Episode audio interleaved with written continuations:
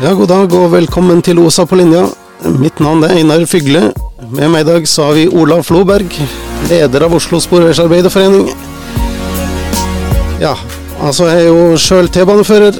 Vi har nå gått gjennom et uh, mellomoppgjør. Vi skal snakke litt om det. Da går Olav. Hvordan går det?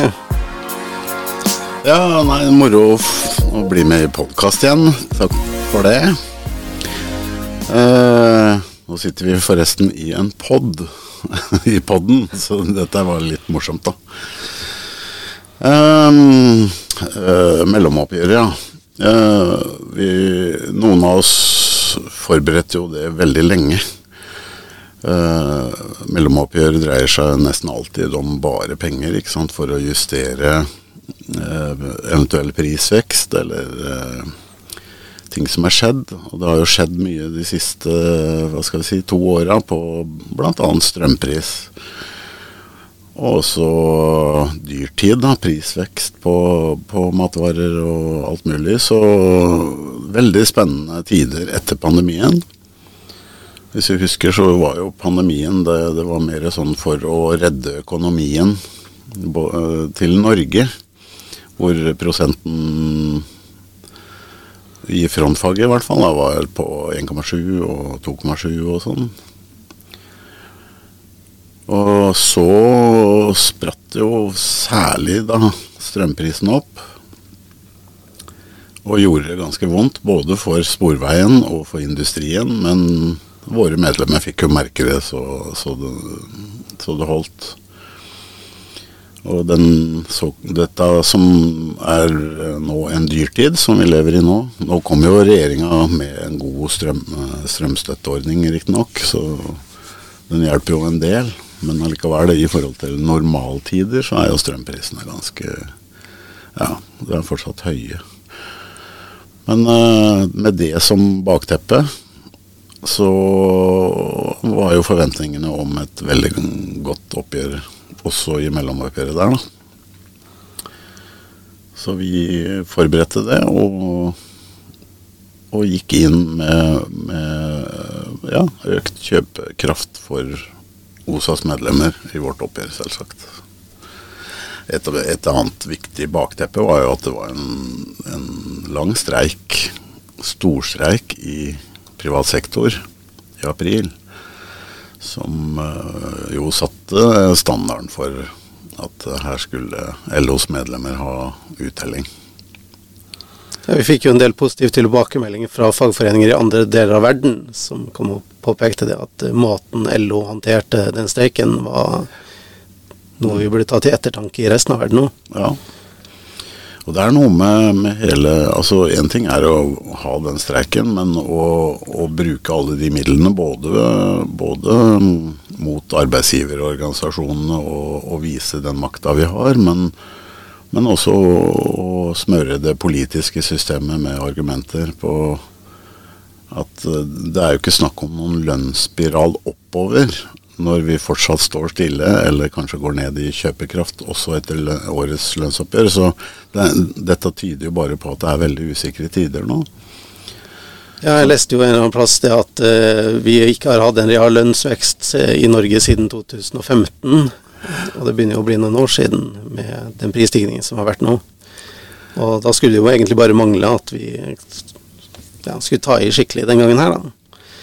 Ja, altså det, eh, det, det er forskjellige grupper, da. Hvis du tar alle grupper for seg altså, og samler de, sånn som du kan selv lese i et teknisk beregningsutvalg. Men uh, så, så, har jo reallønnsveksten vært nedadgående. Men så er det jo grupper da, som stikker av alltid.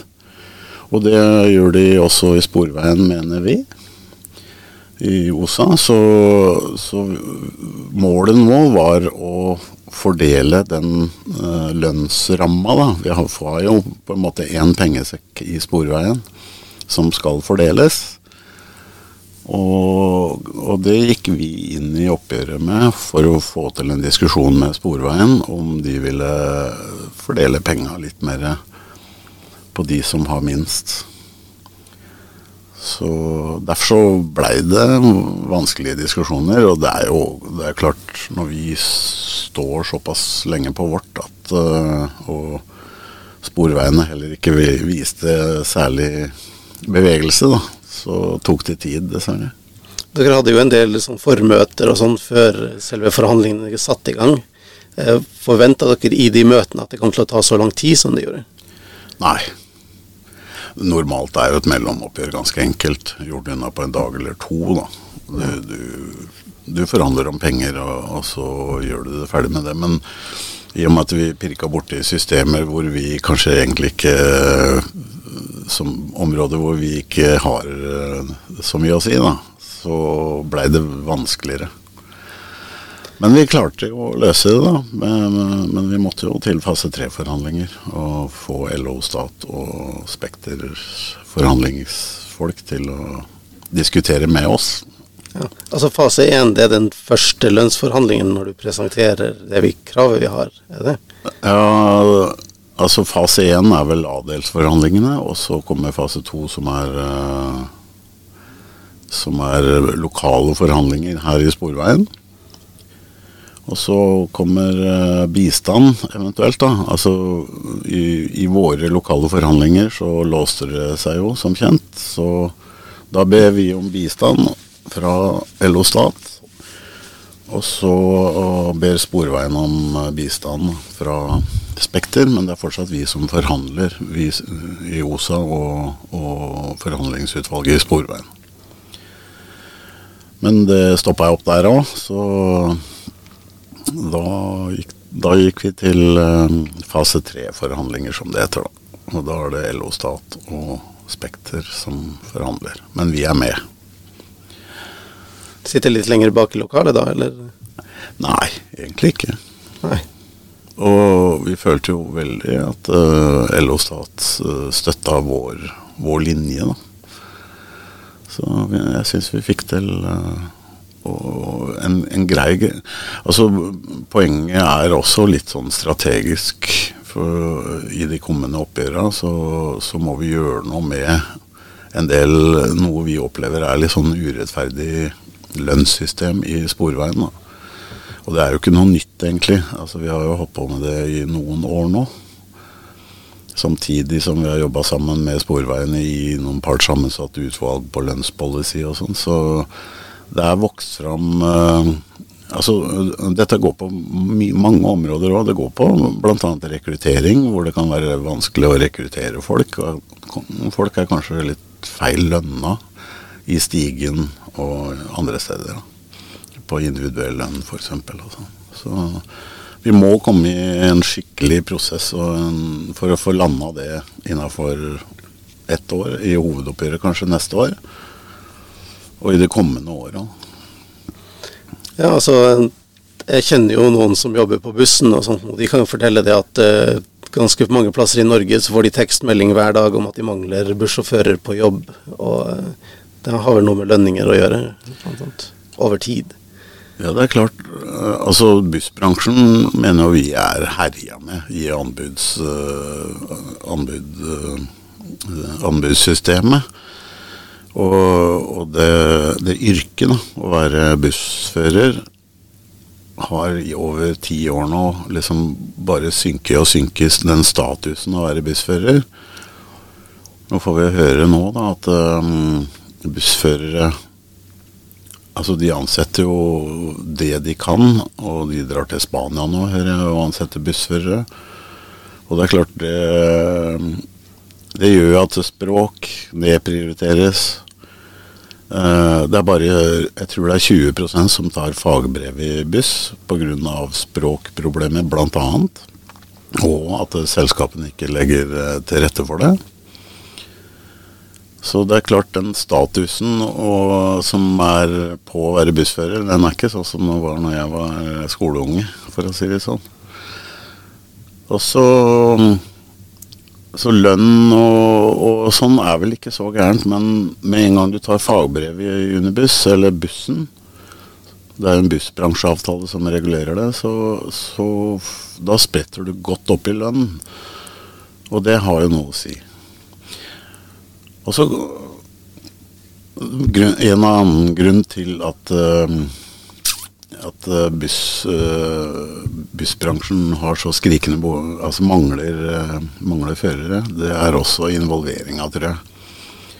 Involvering og at du blir verdsatt i selskapet. For at bussførere har ingen veldig liten påvirkning på arbeidsdagen sin. Både materielle og turnuser og alt mulig sånt noe. Fordi du er tvinga av kontrakter. Ja, den bussen de kjører rundt med nå, hadde kanskje ikke vært i drift hvis bussjåføren hadde hatt mer å si? Nei. Det, da hadde de stoppa det antakeligvis pga. kollisjonssikkerhet bl.a.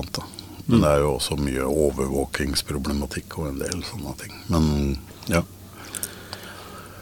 Nå ser jeg da, jeg har vært oppe på Stubberud, det nye anlegget der oppe til Unibuss. Nå er det jo masse elbusser der. Det, jeg skal ikke dra så langt på det nå, men jeg ser at det er veldig mye tomkjøring fram og tilbake nå for å lade busser. Og det er jo ikke samfunnsnyttig. Mm. Men eh, tilbake til den eh, mellomoppgjøret vi hadde nå. Opplever du at medlemmene våre er fornøyd med resultatet? Ba, jeg har fått nesten bare gode tilbakemeldinger. Jeg har fått et par kommentarer, eller jeg har lest på Facebook og sånn, men uh, som går litt på på at uh, vi prioriterer feil og sånn, men jeg tror, jeg tror kanskje vi må være før hovedoppgjøret neste år og, og, få hatt noen medlemsmøter og hatt noen treffpunkter hvor vi klarer å Unnskyld. Forklare hva vi tenker og gjør. Mm. For det er jo Du kan si det at 30 000 om det er nok? Det er nok for noen, noen kanskje, men det er mange det ikke er nok for, og for å beholde kjøpekrafta. Så det blir jo en sånn snittsum da, på de 30. Men det er klart, på individuelle lønnsskalaer så vil jo ting se annerledes ut. da. Mm. Eh, når disse 30 000 etterbetaling, når kommer det? Eh, det? Dessverre så kommer ikke det før i september. Da får jo folk bare glede seg til at det blir en større sum. Men uh, årsaken fikk jeg greie på da, av uh, eh, HR, er at, uh, at er, vi blei veldig tett opp til ferieavviklinga, også på lønn, lønningskontoret. Så det er jo forståelig, de skal ha ferie dem òg. og også samtidig med at de kjører en opp oppgradering av salariesystemet. Så det er grunnen til at det ble i september.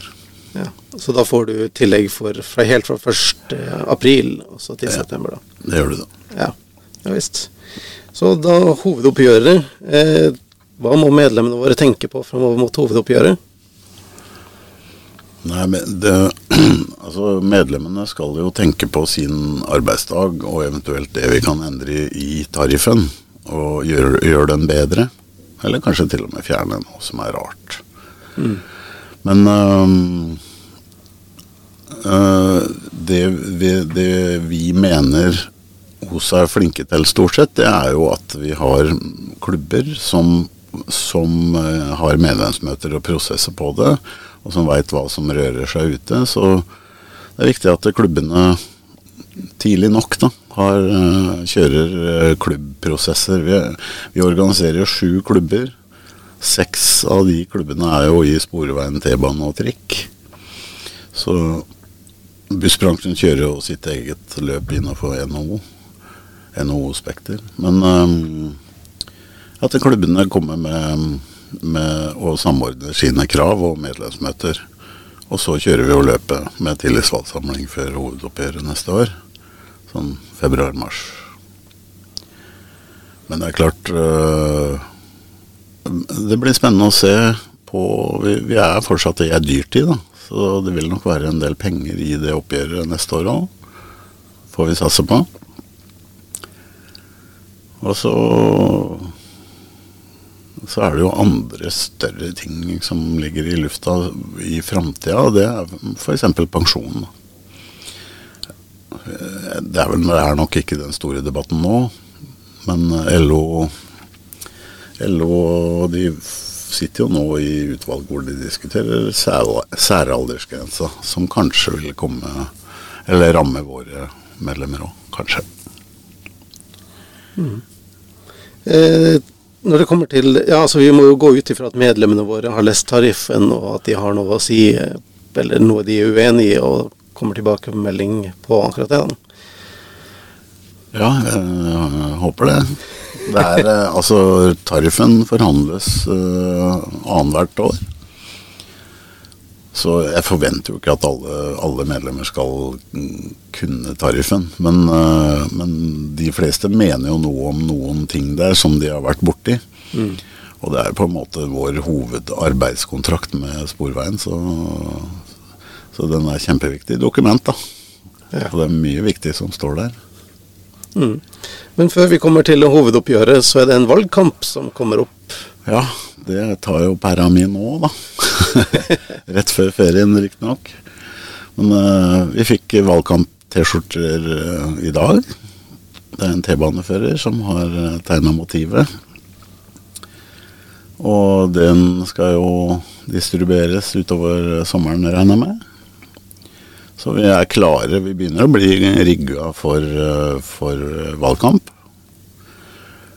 Eh, som tidligere år så har jo LO i Oslo og repskapet der eh, diskutert og kommet fram til spørsmål som er sendt til partiene i Oslo. Alle partiene. Og det, det går på kollektivtrafikk eller barnehage eller sykehjem og alt som vedrører et samfunn. Og, og, så kommer de med en brosjyre i løpet av sommeren som vi skal stå og dele ut. Og der vil du jo få en pekepinn på hva du bør stemme. Og jeg kan jo for så vidt allerede varsle nå at, at OSA går for en, et, rød, et fortsatt rød-grønt flertall i Oslo. Så får vi jo se valgresultatet om om det blir eh, hvilke partier det blir hvis det blir rød-grønn seier. Men uh, det er jo i henhold til de svara som er gitt i, i, den undersøkelsen, så er det jo rød-grønn side som, som tjener våre medlemmer best. Det er det. Ja, altså Et spørsmål eh, som jeg får som eh, styremedlem i T-baneklubben, det er jo eh, Altså partinøytraliteten og det å være partipolitisk uavhengig. Og, uh, har du noen tanker om det? Ja, altså Dette Altså hvis, Når jeg snakker med sånne um, medlemmer som mener det, så, så prøver jeg også å snakke litt om den historia til LO. Og vår fagforening, Betjeningsforeninga, OSA og, og det her. Fordi at uh, fagbevegelsen er jo tufta på at vi fikk politisk representasjon mer enn 100 år sia. Og kom inn på storting og kom inn i bystyrene. At det var arbeidsfolk. Og de klarte da å, å jobbe for en politikk som gagner vanlige folk. da, Arbeidsfolk. Og det er jo begrunnelsen for Altså, vi, vi anbefaler jo ikke noe spesielt parti. Det gjør vi ikke.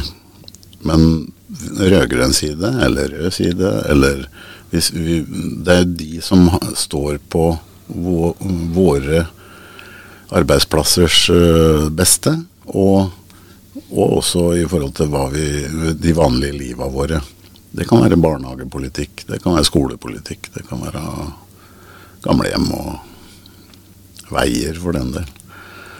En reinere by. Men øh, det er mange saker. Og det er klart, Jeg husker jo for uh, fire år siden, i den valgkampen, så var det jo bompenger som var den store saken. da. Og Bompengepartiet kom jo inn i Oslo med to representanter. Men den saken har jo dødd litt, da. Men det er jo sånne diskuterte saker hvor, som jeg også syns at rød-grønn side har løst bra. Med å vise en dynamikk i bompengepolitikken. Og, og de har jo faktisk Eh, lagd en mye reinere Oslo by. da, Oslo Innafor Ring 2 så er det ganske reint og rein luft. Og det er bra. Ja. Altså, jeg har jo vært på omvisning på rådhuset et par ganger og prata med noen av disse politikerne og hørt om eh, altså hvordan de, de politikerne lærer fra altså OSA om hvordan man skal gjøre kollektivtransport. Og da er det vel noen politiske partier som er mer villige til å høre på det vi har å si, og noen som er litt mindre av det. Ja, altså OSA prøver jo å forklare hva som er smart å gjøre ut fra hva vi kan. Og vi kan jo kollektivtrafikk, mener vi i hvert fall. Vi er jo fagfolk på det, og det, det har jo f.eks. trikkeprogrammet og nå T-baneprogrammet vist. da og for storsamfunnet at, at, det er Vi kan det, og det blir bra.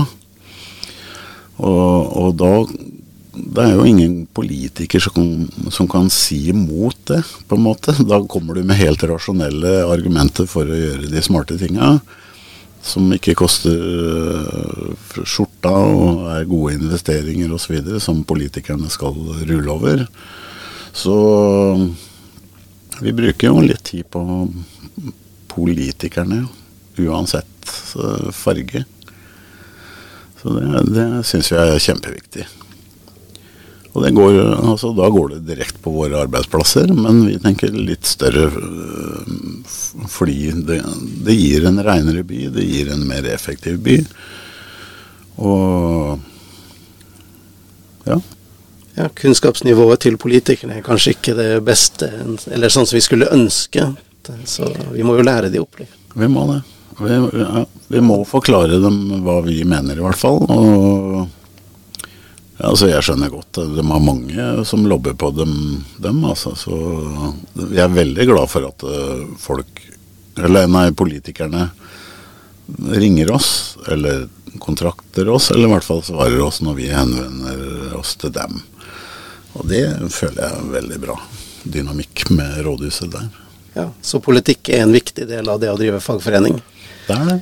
Ikke partipolitikk nødvendigvis, men uh, politikk. Ja. Så, det, så, nå er det bare spennende. Nå har vi Jeg la siste hånda på verket på valgkampplanen til OSA nå. Nå skal jeg ned i forbundet til Fagforbundet Oslo redegjøre for den og høre hva de andre Fagforbundet Oslo kommer jo på arbeidsplassbesøk og sånn.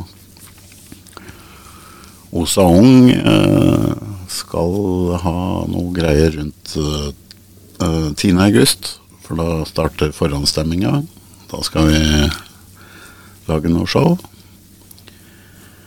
Vi har jo allerede starta redaksjonsmøter i forhold til å lage valgkampnummer i OSA-sporet. Og så må vi få til kanskje en, annen, eh, en medlemssamling på et eller annet sted hvor vi har noe aktivitet i slutten av august. Og så er det jo selvsagt booka sted for valgvake. De begynner å bli populære. så vi har ting gående. Og så har vi jo denne T-skjorta, da som følger den bildet i denne podkasten, håper jeg, Einar. Vi får ta et bilde etterpå. Mm. Så kan folk se den. Ja. Så er det snart ferie? Ja, jeg går i ferie fra, fra i morgen, da. Eller fra helga. Så da Det er jo aldri helt ferie når du driver på som leder i OSA, men eh, jeg skal nok nyte noen dager. Mm litt nesten litt sånn langt unna, ja. Så har vi feriehjem og, som er tilgjengelig for medlemmer. Ja, det har vi. Det er, eh, det er noe ledig i juli, begynnelsen av august, men eh, det begynner å fylles opp ordentlig. Og jeg var sjøl nede på Sagakollen og kikka litt der, for nå har eh, bestyreren Erik Rahn strekt opp den strandlinja der. Så der er en ny, ny sånn forstøtningsmur og ny plen, og det har blitt ordentlig fint der. Så jeg snakka med et par stykker som var der, og de gleda seg veldig over det. Altså. Så jeg håper folk eh, Altså det går an å bo i telt òg, hvis det ikke er ledige enheter den uka eller den helga du skal være der. Så ja, for nå er det faktisk mulig, hvis det er ledige helg eller noen dager, å bare bo der en natt eller tre.